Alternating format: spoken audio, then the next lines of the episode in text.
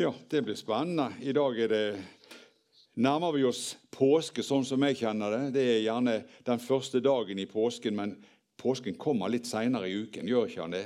Han gjør det. Kjære Jesus, jeg priser deg fordi at du er levende og virkelig og midt iblant oss. Og nå ber vi her om at du ved ditt nærvær må åpne våre hjerter og våre sinn, slik at ditt ord når inn der inne og kan gjøre din gjerning i oss, Herre og gjøre din gjerning gjennom oss. Det ber vi om i ditt navn. Amen.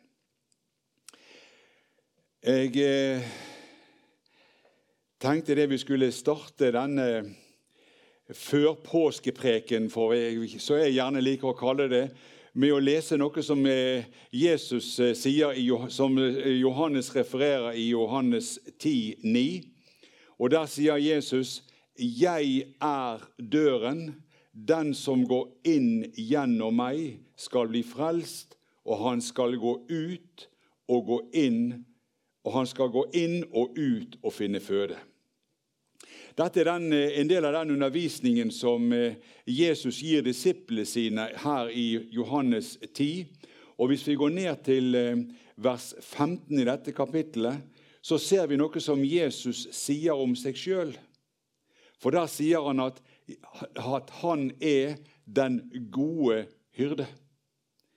Jesus er den gode hyrde. Og hør, den gode hyrde er den som gir sitt liv for sauene, sånn som han sier det i slutten av vers 15. Og der sier Jesus, 'Jeg gir mitt liv for sauene'. Og Hvis vi går litt lenger nedover i det som Johannes skriver der i dette kapittelet, i versene 17 og 18, så kommer Jesus med en proklamasjon av det oppdraget som han er kommet for å fullføre. Og Der sier han sjøl, 'Faderen elsker meg fordi jeg gir mitt liv for siden å ta det tilbake.' Ingen har tatt mitt liv. Jeg gir det frivillig, for jeg har makt til å gi mitt liv og makt til å ta det igjen. Dette er det oppdrag jeg fikk av min far. Og Når vi leser det som vi her snakker om, så tar det oss rett inn i den påskefeiringen som disiplene til Jesus kjente så godt om. For Jesus han startet med å si at 'jeg er døren'. Og den døren Jesusdøren, som jeg liker å kalle han, den førte inn til det stedet der sauene var. De som Jesus hadde ansvar og hadde omsorg for. Inn til der hvor de sauene hans var trygge. Om de som var gått inn gjennom denne døren, sier Jesus at de kan gå inn, og de kan gå ut, og de kan finne føde. Det Jesus sier, det beskriver en vandring, og hør, en vandring gjennom Han som er døren. En vandring gjennom Jesusdøren. Og Det Jesus sier til disiplene sine i, i denne sammenhengen, det peker tilbake på det som skjedde i den påsken som disiplene kjenner så godt til. For den gammeltestamentlige påsken, den handlet om lammet og om døren. Og Vi skal nå gå inn og lese det som, det står i, i, som Gud sa til Moses, sånn som vi finner det i 2. Mosebok i kapittel 12. og i versene, Det står i versene 1-28. Eh, og Vi skal lese versene 3-7, for der står det. Og jeg tenker Vi kan kanskje klare å få det opp her òg.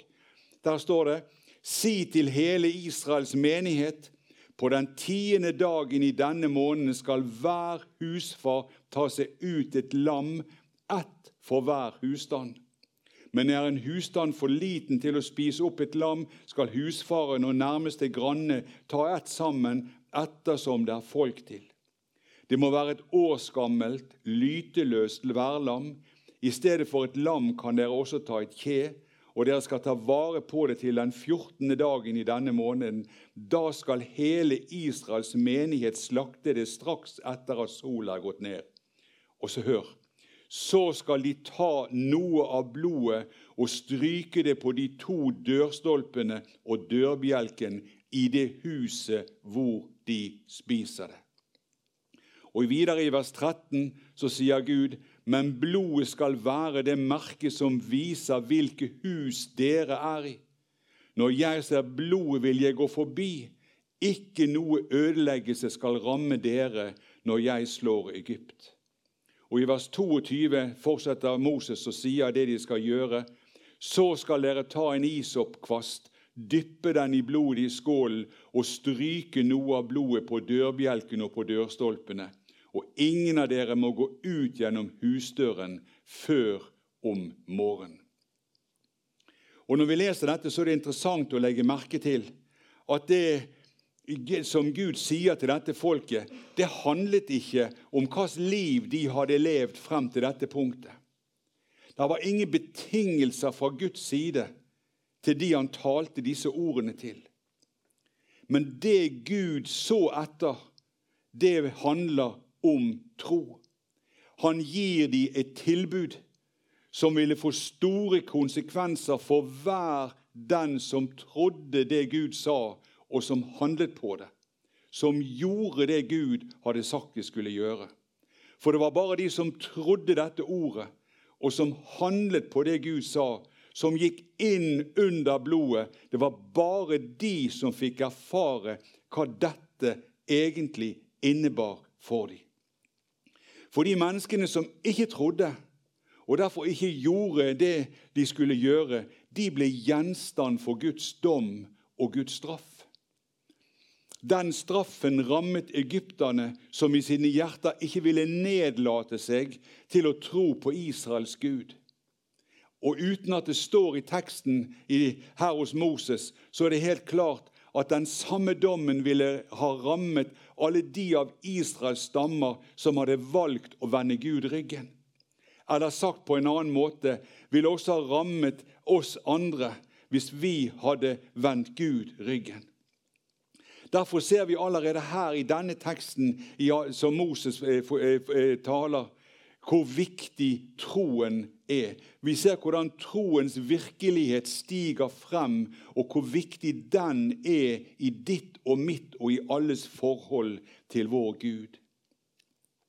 For troens virkelighet den går forbi alle menneskelige argumenter. Den handler helt uavhengig av din og min forstand og vår kunnskap og våre evner til å fatte og begripe. For Gud han er ikke fokusert på menneskelig visdom og, og, menneskelig forstand eller menneskelige prestasjoner, eller om de menneskene er gode nok. Gud ser etter troen i ditt og mitt hjerte. Gud ser etter de som tror og holder fast på troen, og som handler på sin tro. For hør, det er nemlig ikke nok å si at 'jeg hører jo det Moses sier'. Det er ikke nok å si 'ja, jeg tror det er jo gjerne sant'. Og det er til og med ikke nok å slakte lammet. For uten at blodet ble strøket på dørstolpene og de øverste dørtre, ville alt sammen ha vært forgjevet. Hvorfor? Fordi blodet på dørstolpen og på det øverste dørtreet det var en handling som handlet om tro og bekjennelse for de som steg inn gjennom denne døren. En tro som, handl, som gjennom handling bekjenner lydighet til det Gud har sagt de skulle gjøre. En troshandling som viser verden at vi tror på Gud, og at vi tror på det Han har sagt. Og Det er fantastisk å lese videre her hos, hos Moses og se hva som skjer med de som går inn under blodet. For dødsengelen som førte Guds straff over de som sto utenfor døren, han gikk de forbi. Han gikk de forbi. Og hva er resultatet av denne dagen der nede i, i Egypt? Jo, der vi ser at Gud danner et nytt folk. Et helt nytt folk. Troens folk. Det var, dette var de menneskene som hadde trodd det Gud sa, og som handlet på det. Og det er om dette folket det står videre i 2. Mosebok 12,51.: Den samme dagen førte Herren israelittene ut av Egypt, flokk etter flokk. Og det var ikke noen få som representerte dette folket. Det står at de var 6000 menn, 600 000 menn, foruten kvinner og barn, og i tillegg en stor flokk med folk eh, fra forskjellige eh, folkeslag som fulgte de. Og Hvis vi går inn i Hebreabrevet, så ser vi hva Hebreabrevets forfatter sier i det 11. kapittelet og versene 27 og 29 om det som skjedde denne dagen. I tro forlot han, altså Moses, Egypt uten å frykte for kongens vrede. Det var som han så den usynlige, og derfor holdt han ut. I tro holdt han påske og strøk blodet på dørkarmene for at den ødeleggende engel ikke skulle røre israelittenes førstefødte. I tro gikk de gjennom Rødehavet som over tørt land, men da egypterne prøvde det samme, druknet de. Gud er nær til sitt folk. Guds folk de er på vei til det landet som Gud hadde gjort klart for dem. Gud hadde åpnet en dør, og i tro fikk de gå inn gjennom den døren. Og i tro fikk de gå ut gjennom den døren. Og Jesus han kommer og sier, 'Tro på Gud og tro på meg'. Og I vår tid der vi lever, du og jeg, så er dette med troens fundament viktigere enn noensinne. For fienden han kommer på mange måter og vil flytte oppmerksomheten vår vekk fra det som Gud har sagt. Og så vil han feste blikket vårt på det som, som han får tilpasset, og som han vil at vi skal se på. Og så sier han, har Gud virkelig sagt? Kan Gud virkelig mene det? Og så forsøker han å komme med sine argumenter. Men, men, men hver gang vi forsøker å svare han. Og når han vrir det til på denne måten, så blir sannheten, det Gud virkelig har sagt, det blir borte for oss. Dette som vi nå har lest, er den første påskefeiringen som vi kan lese om i Det gamle testamentet. Og den peker fremover på Han som skal komme. Og Hvis vi nå tar og går sammen ca. 1000 år så møter vi det Gud taler om påsken gjennom profeten Jesaja. Og Jeg syns vi skal ta oss tid og gå inn i Jesajas kapittel 53. For i Jesajas 53, som som et kapittel som vi kjenner godt, hva starter det kapittelet med? Det kapittelet starter med tro. Der står det Hvem trodde det budskap vi hørte? For hvem ble Herrens kraft åpenbart? For han skjøt opp som en spire for hans ansikt, som et rotskudd ut av tørr jord. Han hadde ingen skikkelse og ingen herlighet. Når vi så han, fikk vi ingen glede i syn av han. Han var foraktet og forkastet av mennesker, en smertens mann, vel kjent med sykdom. Folk skjulte sitt ansikt for han. Han var foraktet, og vi regnet han for intet. Sannelig, det var våre sykdommer han tok på seg. Det var våre smerter han bar. Mens vi regnet han for intet, slått av Gud og gjort elendig. Men han ble såret for våre overtredelser og knust for våre misgjerninger. Straffen lå på han for at vi skulle ha fred. Over hans sår har vi fått legedom. Vi for alle vill som får, vi vendte oss hver til sin vei. Misgjerningen vi alle var skyld i, la Herren på ham. Han ble mishandlet og fornedret, og likevel åpnet han ikke sin munn. Lik et lam ble han ført bort for å slaktes, slik en sau den klipp, for den som klipper den.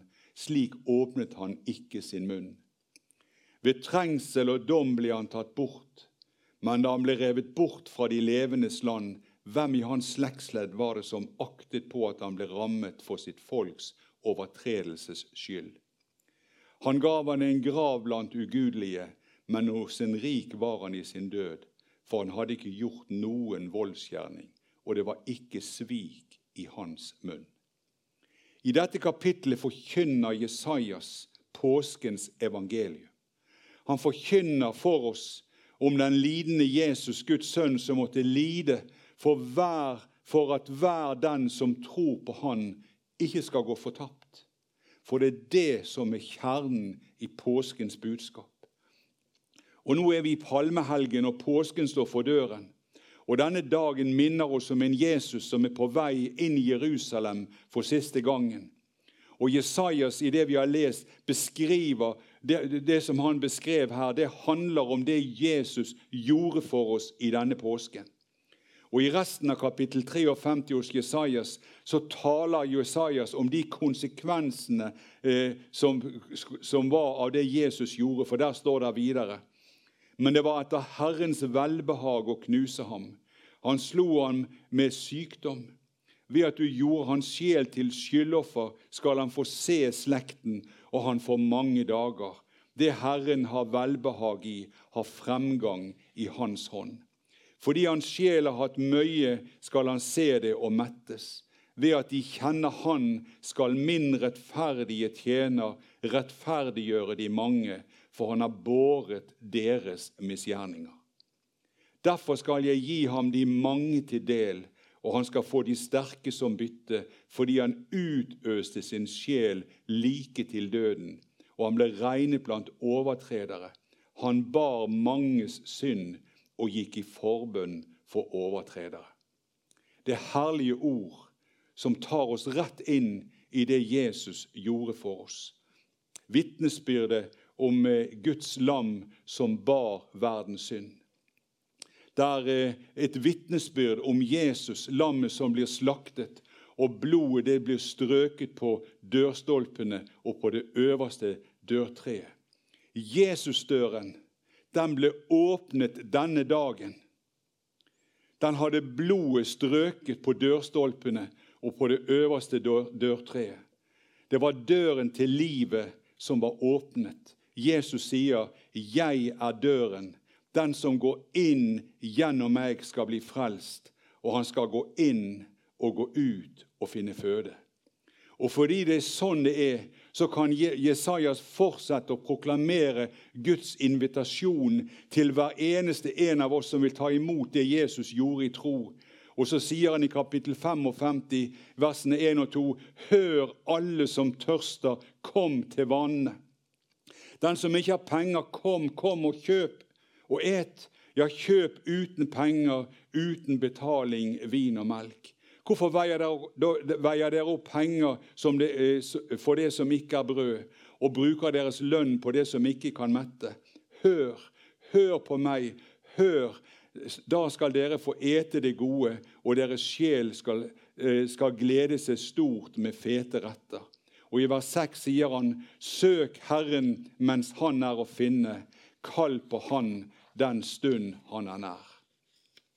Og Det er helt fantastisk å lese det som vi leser her, for dette er Guds ords sannhet. Jesus døde for sånne som deg og meg. Jeg er døren, sier Jesus.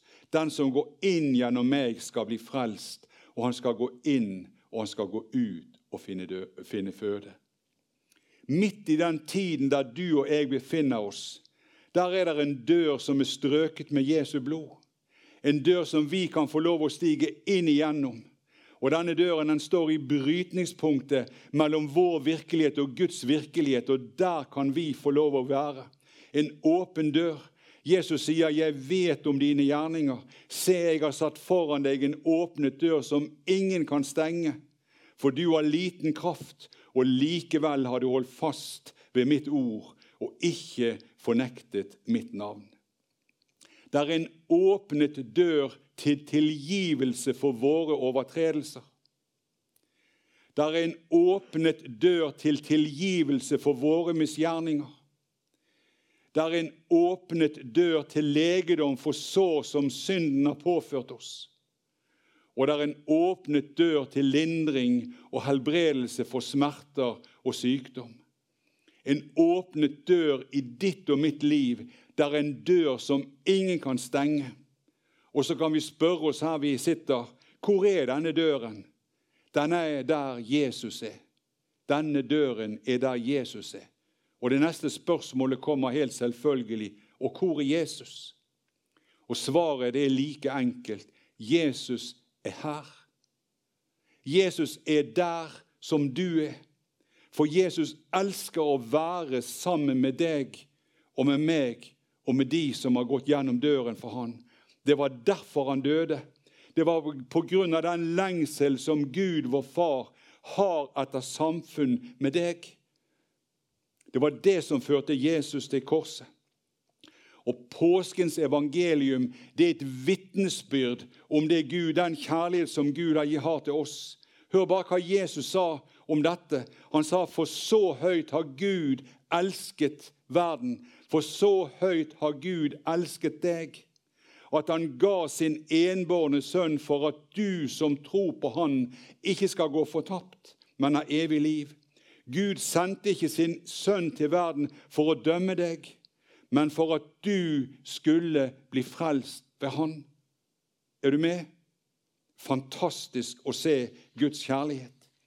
Jesu kjærlighet til oss det gjorde at han ikke sviktet i Getsemane. Jesu kjærlighet til oss det gjorde at han tålte og utholdt fornedrelsen i yppersteprestens gård og tålte fornedrelsen hos Pilatus.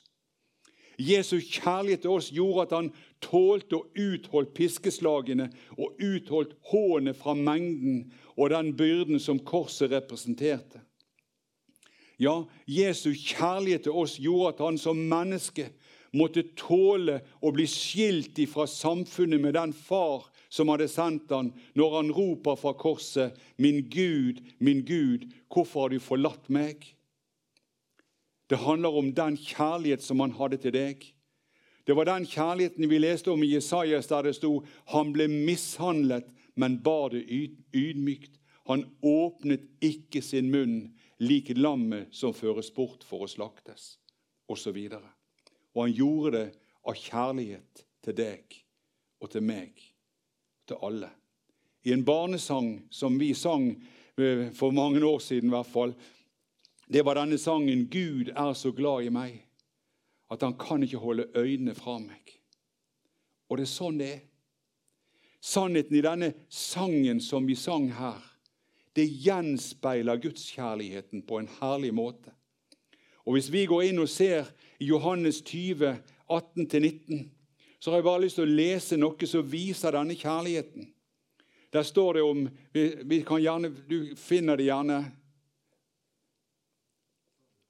Det, ja, 11-18 står det vel. Ja, der har vi det. Det er Maria som står utenfor, men Maria sto utenfor ved graven og gråt. Mens hun gråt, bøyde hun seg ned og så inn i graven. Hun ser to engler i hvite klær sitte der Jesu kropp hadde ligget, den ene ved hodet og den andre ved føttene. Da sier de til henne, 'Kvinne, hvorfor gråter du?' Hun svarte, 'Fordi de har tatt min Herre bort, og jeg vet ikke hvor de har lagt han.' Da hun hadde sagt dette, snudde hun seg rundt og ser Jesus stå der, men hun visste ikke at det var Jesus. Jesus sier til henne, 'Kvinne, hvorfor gråter du? Hvem leter du etter?' Hun trodde det var gartneren og sier til ham, 'Herre, hvis det er du som har båret ham bort, så si meg hvor du har lagt han, så jeg kan hente han.' Jesus sier til henne, 'Maria.' Maria. Hun snur seg og sier til han, 'Rabuni', som betyr mester. Jesus sier til henne, 'Ikke rør meg, for jeg er ennå ikke fatt opp til min far.' 'Men gå til mine brødre og si til dem:" 'Jeg farer opp til min far og deres far, og til min Gud og deres Gud.' Maria Magdalena kom og fortalte disiplene at hun hadde sett Herren, og at han hadde sagt dette til henne. Maria hadde mistet det kjæreste hun hadde.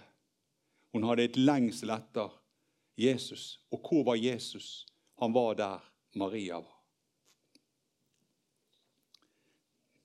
Tenk på eh, Emmaus-vandrerne. De to disiplene som er på vei bort fra Jerusalem. Etter nederlaget de gikk og følte på det som hadde skjedd i påsken. De hadde hørt det kvinnene sa, men de skjønte det ikke. Men der på veien der de går i sin ensomhet og sitt nederlag, der går Jesus sammen med dem. Han er der sine, hans er. Og han åpenbarte seg for dem, og han oppmuntret dem. Bare tenk på disiplene som sitter vettskremt bak lukkede dører med angst for hva som kommer til å skje de som har fulgt Jesus på bakgrunn av det de nettopp hadde sett. Alene sitter de der, og jeg vet ikke hvordan de har hatt det, men de skjelver vel gjerne litt i knærne. Men de var jo ikke alene, for Jesus han var ikke vekke fra dem. Han kommer rett inn i rommet gjennom lukkede dører, og midt i angsten og frykten så kommer Jesus og sier, 'Fred være med dere'. Han var ikke borte. Han var der hans disipler var. Ja, selv Thomas, tvileren, fikk et nytt møte med Jesus i denne sammenhengen. Og når de, når de, er litt i frustrasjon ute ved Tiberiasjøen, og de er på vei tilbake til de gamle yrkene, så kommer Jesus og de nær, og så kommer han og gir livene deres en ny retning. Jeg er døren. Den som går inn gjennom meg, skal bli frelst, og han skal gå ut og gå inn og finne føde. Den første påske som vi leste om, pekte fremover på det Jesus skulle komme for å gjøre. Og vi skal feire påske i denne uken og minne hverandre om det Jesus gjorde når han kom. Og Gjennom hans døde oppstandelse, gjennom Jesusdøren, så den, ble der åpnet en dør tilgjengelig for hver den som tror. Og de som stiger inn gjennom den døren, de tilhører et nytt folk, til troens folk. Et folk av alle ætter, av alle stammer, av alle folkeslag.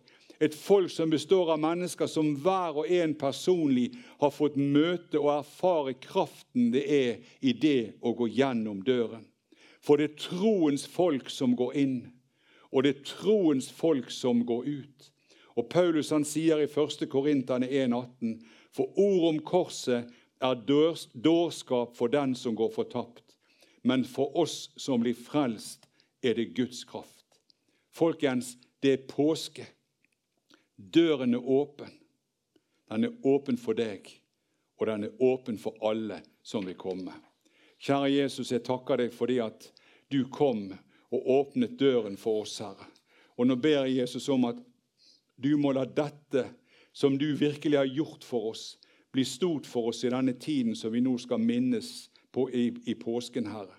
At vi virkelig kan få lov å ta det inn i oss og få lov å leve i det og få lov å erfare det og få lov å lovprise deg og takke deg, Herre, for et fullbrakt frelsesverk som du til veie brakte, for at hver den som tror på deg, ikke skal gå fortapt, men ha evig liv ber Jesus om at du må fylle oss alle som sitter her, med din Hellige Ånd, og la Den hellige ånd få lov å herliggjøre deg i våre liv og i våre hjerter.